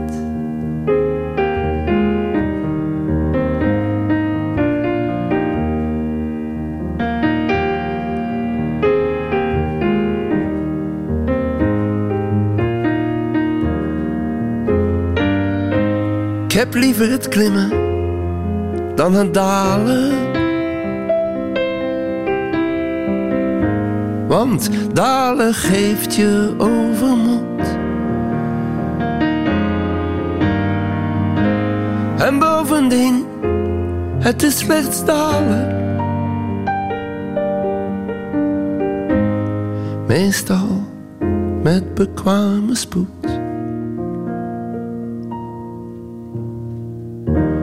Heb zo wat elke rit verloren.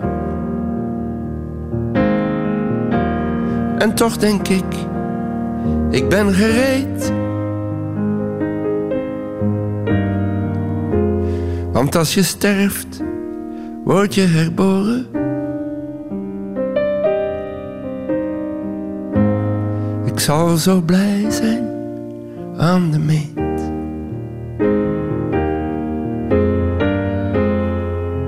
Als je sterft, word je herboren.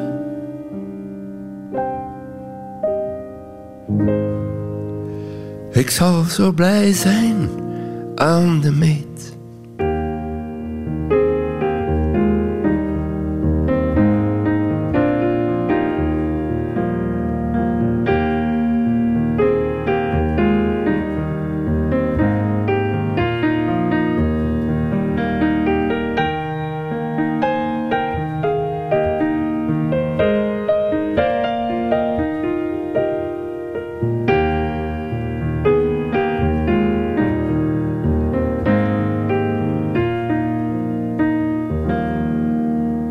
Van het Groene Woud over het leven en helemaal ingepast in de symboliek van de wielrennerij. Sven Nijs, waar ligt voor jou de echte meet van het leven? Wanneer heb je echt bereikt wat je wil? Ik denk dat je eh, voor jezelf die meet ook altijd wel opschuift. En dat je altijd moet uitdagingen hebben. Uh, al ben je 70, al ben je 80. Ik denk dat dat um, nu net uh, het leven zo mooi maakt. Ik denk dat je nooit um, de meet moet trekken. Ik denk dat je, zolang je vitaal bent, zolang dat je gezond bent en, en, en je, kan, je kan uitdagingen aangaan, dan moet je er ook echt voor gaan. Dan moet je er je schouders onder zetten. En um, daar sta ik wel voor. Dus voor mij is de meet nog, nog absoluut niet in zicht. Is jouw zoon ook op een of andere manier een uitdaging, een doel in jouw leven? Ah, absoluut. Ik ben, ik ben uh, op dat vlak wel iemand die probeert van echt wel uh, een voorbeeld te zijn naar mijn zoon toe. Hij moet zijn eigen weg bewandelen. Maar soms dan, dan merk ik wel dat hij op een heel fijne manier, manier reageert naar mensen toe. En, en dat is heel fijn om te zien. Mm -hmm. Dus voor mij is, is nu hem, hem opvoeden, hem, hem een levensles meegeven. Omgaan met al die druk, met al dat, dat kwaad dat er in de wereld gebeurt, om daarop op, in te spelen en weten dat niet alles u gegund wordt. Dat is voor mij nu veel belangrijker dan eender welke uh, wedstrijd of, of, of weet ik, uh, punten die hij scoort op school. Uh, nu, hij doet het niet slecht, hè? Hij doet het niet slecht, absoluut niet. Uh, maar, maar de opvoeding is voor mij nu veel belangrijker. Ja, want begin dit jaar uh, werd hij Belgisch kampioen eerstejaars nieuweling in veldrijden in Oostende. En uh, op de vraag of jij hem had geholpen, antwoordde hij dit. Hij heeft mij, mij gekozen welke banden dat ik ging rijden, hoeveel druk dat er moest in staan, hoe dat ik door het zand moest, wanneer ik moest afspringen. Ja, hij heeft mij, heeft mij het allemaal geleerd hoe dat moet en ik ben daar heel dankbaar voor. Touché. Thibaut Nijs, ja. 15 is hij ondertussen? Ja, hij is 15 jaar. Ja, en is jou heel erg dankbaar? Ja, het is natuurlijk wel makkelijker als je zelf altijd in die sport uh, jezelf bewogen hebt. En, en uh, wat ik nu zie is dat hij iedere dag opnieuw uh, bij mij thuis in de garage zit, aan fietsen, fietsen zit te sleutelen en, en, en, en al die kneepjes van het vak echt wil, wil kennen. Hij is ervan bezeten. Of dat dat blijft duren, dat kan niemand voorspellen. Dat wil ik hem ook absoluut niet opleggen. Uh, dat zal hij zelf moeten, moeten uitvissen. Maar uh, het, is, het is mooi om te zien. Heeft hij ook jouw karakter? Ik denk dat dat van beiden is. Van zowel de mama als de papa. Het, is, het is wel een verstandige jongen. Maar ik denk wel dat, hij, dat hij, als hij ergens voor gaat, dat hij, dat hij echt wel er alles wil voor doen. Wat weet je nog van zijn geboorte? Dat is het mooiste moment uit mijn leven. Dat is het mooiste wat, wat de natuur te bieden heeft. Dat is, dat is één groot wonder. En ik weet nog dat ook in de tijd van Erik de Vlaming er mij altijd afgeraden werd door de coach van begin nooit te vroeg aan kinderen, want je gaat heel veel met je gezin moeten bezig zijn en dat gaat ten koste gaan van je prestatie ik heb daar eigenlijk niet naar geluisterd. En ik ben heel jong papa geworden. Of, of uh, de mama was maar, maar 21, ik was uh, 25. En eigenlijk heeft mij dat bevrijd. Eigenlijk heeft um, de focus van, van, van bezeten bezig zijn alleen maar met die sport een beetje afleiding gegeven. Waardoor ik s'avonds, als ik thuis kwam, um, afleiding kreeg door de bewegingen van, van, van de kleine pagadder, um, van, van de dingen die hij leerde. En dat zorgde ervoor dat er meer ontspanning kwam in mijn hoofd. Dat heeft op dat moment toch echt wel geholpen, in plaats van dat het nadelig was. Had je graag meer kinderen gewild? Nee, ik heb altijd van, van jongs af aan het idee gehad, ik zou graag uh, één kind hebben. En, en ben daarbij gebleven. Dat is een beetje de, de filosofie die, uh, die ik had. En, en uh, tot op de dag van vandaag heb ik daar eigenlijk geen spijt van. En waarom? Ja, één? Dat is natuurlijk kwetsbaar, want, want uh, één kind, uh, er is zo snel iets gebeurd. En, en, en soms ben ik daar ook wel bang van. En, en je bent daar zo behoedzaam voor uh, dat er iets gebeurt. Als ik te veel positieve dingen ervaar in mijn leven en veel geluk heb, dan heb ik soms bang dat dat langs de andere kant moet gecompenseerd worden en dat er iets zal gebeuren. Dat is zo'n beetje de schrik die ik altijd wel heb. Dat is altijd geweest in mijn leven als je maar één zoon hebt, dan, ja, dan, dan is dat heel kwetsbaar. Maar ja, ik heb mij daarachter gezet en ik, eh, ik ben daar tot op de dag van vandaag eh, gelukkig mee. Je bent sinds een aantal jaar ook alleenstaande vader. Ja. Op welke manier heeft dat jouw band met Thibaut veranderd, versterkt? Ja, ik ben ve- nog veel meer betrokken bij alles wat er eh, in opvoeding van mijn zoon gebeurt. Uiteraard, hè. vroeger eh, gebeurde heel veel door de mama als, als ik niet aanwezig was. Maar ik ben nu van nog veel meer op de hoogte. Zeker die eerste jaren, toen ik echt alleen was, dan was ik zelfs veel meer bezig eh, met de opvoeding van mijn zoon dan van mijn, sportcarrière. Dat is ook het moeilijkste jaar geweest ehm, dat ik heb gehad qua prestaties. En ik had mezelf ook voorgenomen, een jaar minder presteren, dat dat binnen tien jaar vergeten zou zijn. Maar een jaar er niet zijn voor mijn zoon, dat mij dat altijd verweten zou worden. Door mijn, door mijn gezin. En die keuze was voor mij heel snel gemaakt. Dat is, een, dat is een moeilijk jaar geweest, maar een heel leerrijk jaar. En eigenlijk heb ik daar ook het zwarte gat kunnen vermijden dat misschien daarna gedurende mijn nacarrière zou gaan komen. Want plotseling stond ik overal alleen voor, terwijl ik vroeger ja, in de watten werd gelegd. Eh, het eten stond op tafel, eh, de rekeningen werden betaald, eh, het gras was gemaaid, bij wijze van spreken. Dat werd allemaal geregeld. En plotseling heb ik dat allemaal zelf in handen genomen. Ja, dat brengt emotie met zich mee, maar dat heeft mij ook wel een rijkere mens gemaakt qua, qua, qua levenswijsheid. Had je verwacht dat je ooit zou scheiden? Nee, uiteraard niet. Eh, ja, dat zijn de dingen die, eh, die in het dagdagelijkse leven gebeuren. Ehm, meningsverschillen eh, uit elkaar groeien door eigen doelen te hebben. En daar, daar is niemand die daar verwijten moet, moet krijgen. Dat, is, dat, zijn, ja, dat zijn twee personen die uit elkaar zijn gegroeid. En dan kan je dat beter in een, in een goede verstandhouding doen, zodanig dat uw zoon daar goed uitkomt, want dat is eigenlijk de basis van alles, dan dat je bij elkaar blijft en ja, frustratie creëert. Want wordt uw zoon daar gelukkiger van? Dat denk ik niet. Dan hebben wij die keuze gemaakt en ik denk dat dat goed uitgedraaid is. Wat adviseer jij alleenstaande vaders als eh, het gaat over omgang met puberzonen en dochters? Ja, dat het in eerste instantie heel belangrijk is dat je opv- opvang geeft voor je kinderen. Dat je ze niet in de steek laat. Dat je een goede verstandhouding probeert te creëren met, met je wederhelft, met, met, eh, met de mama of de papa. Dat je verder kan in het leven. Iets proberen af te sluiten. Maar er blijft een band, er blijft een connectie doordat je kinderen hebt. En eh, als je dat goed kan doen, dan kan je ook verder met je leven. Je hebt natuurlijk een heel bijzondere band dankzij de sport. Hè? Ja. Ja, absoluut. Dat, dat, dat, maakt het wel gemakkelijker. Uh, maar ik denk dat ik ook zou, zou in andere omstandigheden uh, echt even alles laten vallen hebben om, om, uh, om de aandacht ja, erop te zetten dat, dat, dat in eerste instantie alles goed gaat met, met de kinderen. Ah. En lang niet alleen met jouw kinderen, want je bent sowieso bezorgd om de kinderen van deze tijd. Hè? Ze moeten het goed hebben, ze moeten veel kans krijgen, ze, Ze moeten, moeten, ja. gestimuleerd worden. Absoluut. En ze moeten gestimuleerd worden om, om, om te leren ontdekken wat ze, wat ze goed kunnen. Ik kom vaak in, in, in scholen of ik kom vaak onder, onder, onder jongeren en uh, er zijn heel veel mensen die, die eigenlijk zeggen ik weet eigenlijk niet wat dan mijn passie is. Terwijl ik er echt van overtuigd ben dat elke persoon bepaalde talenten voor iets heeft. En als je die op jonge leeftijd kunt leren ontdekken, door de school, die daar echt moet op inzetten, dan creëren wij veel, uh, veel meer opportuniteiten, veel meer kwaliteit, veel meer technologie, veel meer mensen die gemotiveerd zijn om, om in hun job er alles voor te doen. En ik denk dat we daar in de scholen echt moeten proberen op in te zetten.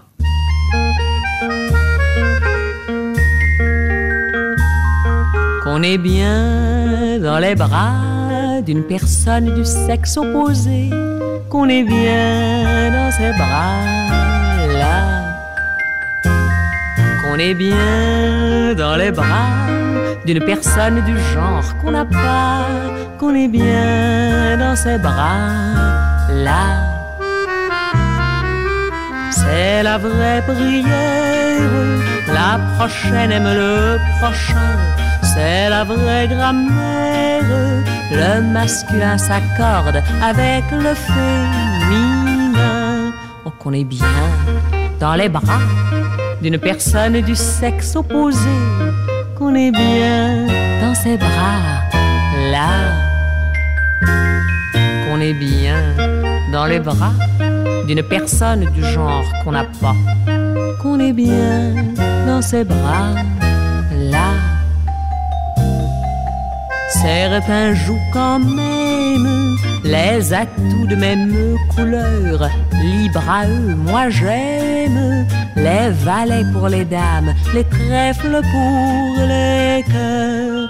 Qu'on est bien dans les bras d'une personne du sexe opposé. Qu'on est bien dans ses bras là. Qu'on est bien dans les bras d'une personne du genre qu'on n'a pas, qu'on est bien dans ses bras là.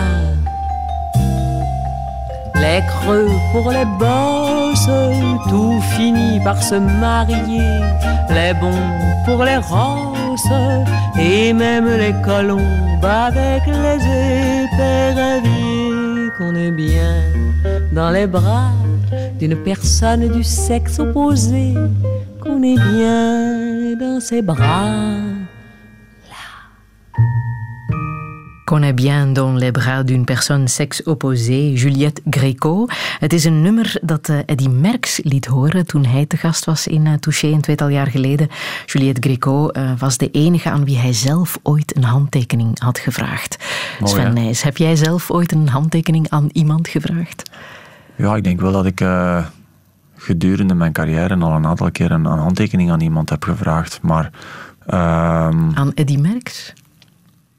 Ik heb met mijn zoon eh, afgelopen tour nog naar Eddy eh, gestapt toen hij ook uitgenodigd was in Antwerpen. Dus zijn we samen nog eens op de foto gegaan. Ja, Eddy is natuurlijk een, een, een- voorbeeld eh, voor heel veel sporters geweest. En, en zelfs mijn zoon, die eigenlijk nooit Eddy heeft gekend als sporter, stond toch ook echt wel echt met, met open mond te kijken van wauw, ik ben hier zo kort bij. Dus, dus, dus Eddy is, is, is een hele speciale persoon. hè. Ja, en niet alleen dat, jullie verjaren op dezelfde dag, hè? 17 juni, Eddy Merckx en zal wel toeval zijn, Sven zeker? Nijs. Dat is toch wel een geweldig toeval. Ja, 17 juni, Ja. inderdaad. Weet je nog het moment dat je dat besefte? Dat jullie op dezelfde dag jarig waren? Nou, dat is later gekomen. Hè. Toen ik zelf al een aantal eh, mooie overwinningen had gehaald, is men dat beginnen vergelijken. Men is men dan ook eh, de kannibaal gaan noemen. Dat, dat heeft Eddy natuurlijk ook wel, wel gehad. Ik denk dat absoluut niet te vergelijken is wat Eddy Merckx heeft eh, gepresteerd en ik. Eh, ik. Ik ben daar heel, heel realistisch in. Maar ik ben wel trots op wat ik heb gedaan.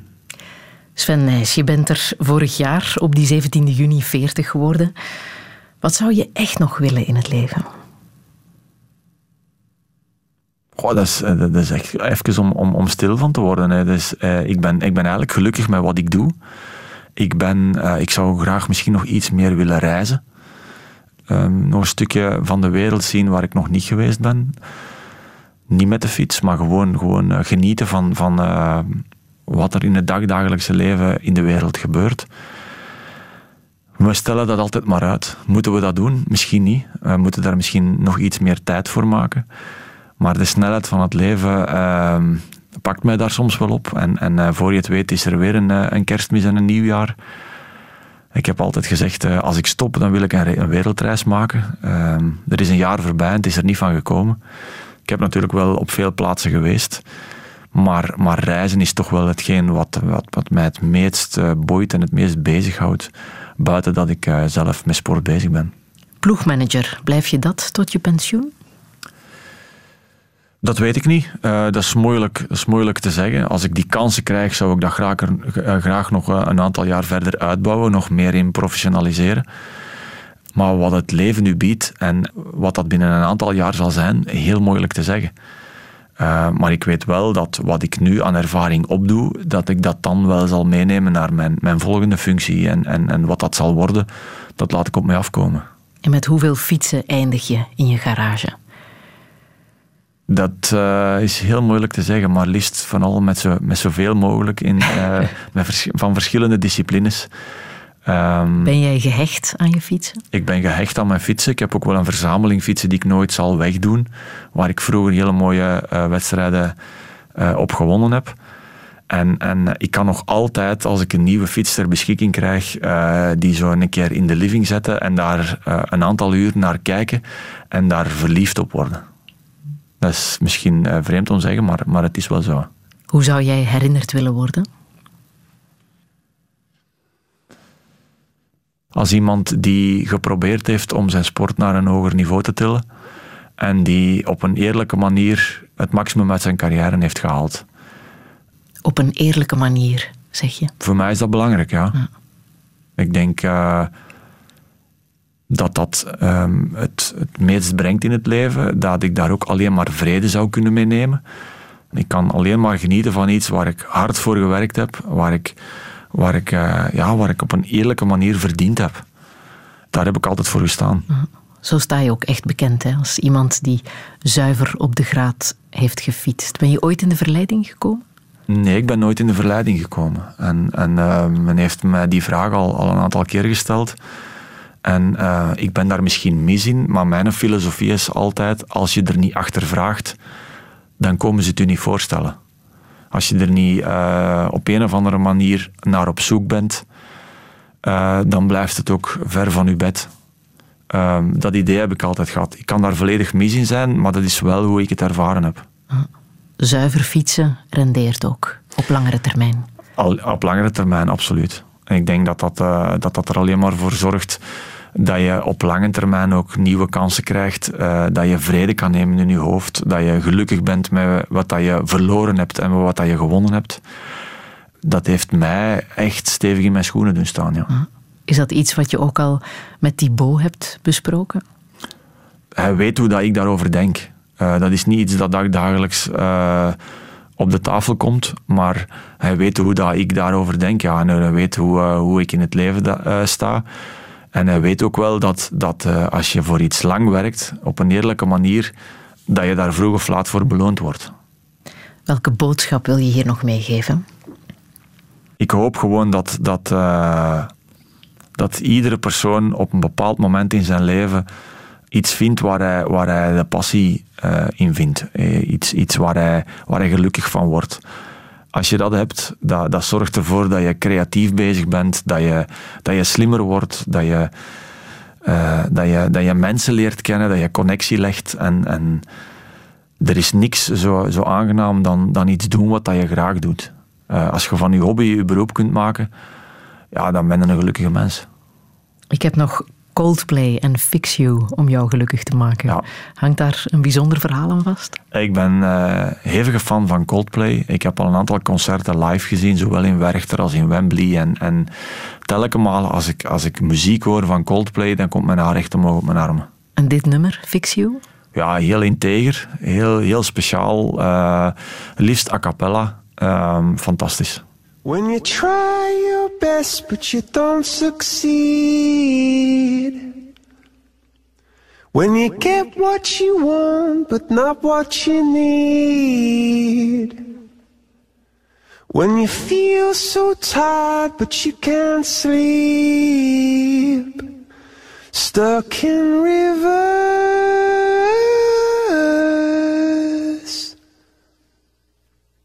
And the tears come streaming down your face. When you lose something you can't replace. When you love someone but it goes to waste.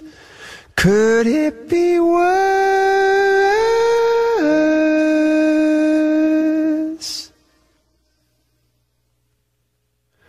Lights will guide you home and ignite your bones, and I will try to fix you. And high up above or down below. When you're too in love to let it go. But if you never try, you'll never know. just what you worth.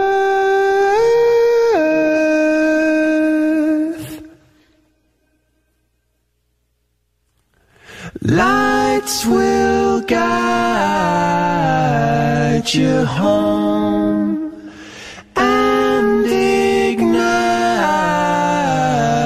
your bones, and I will try to fix you. Coldplay met Fix You. Sven Nijs, ik wil jou heel hartelijk danken voor eh, dit fijne gesprek.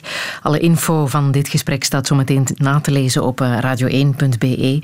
Zometeen na het nieuws hoeft niemand iets te missen van eh, de Ronde van Vlaanderen. Daar zorgen de collega's van Sportza voor. En jij gaat zelf ook commentaar geven bij Karel van Nieuwkerken.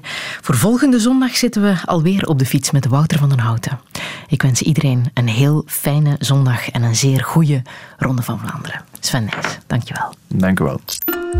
Herbeluister Touché via de podcast Radio Plus en radio1.be.